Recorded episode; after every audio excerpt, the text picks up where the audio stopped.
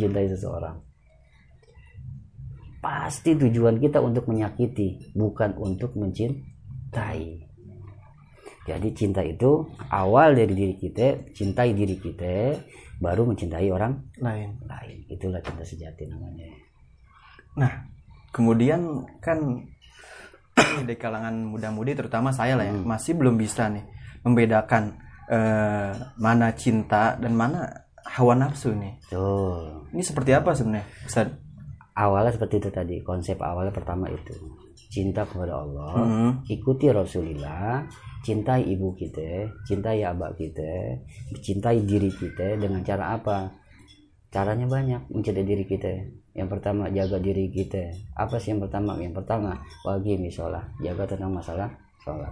Yang kedua talabul ilmu ini dua ini aja dua ini aja kita udah termasuk orang yang cinta kepada diri kita sendiri. Dalam arti kata kita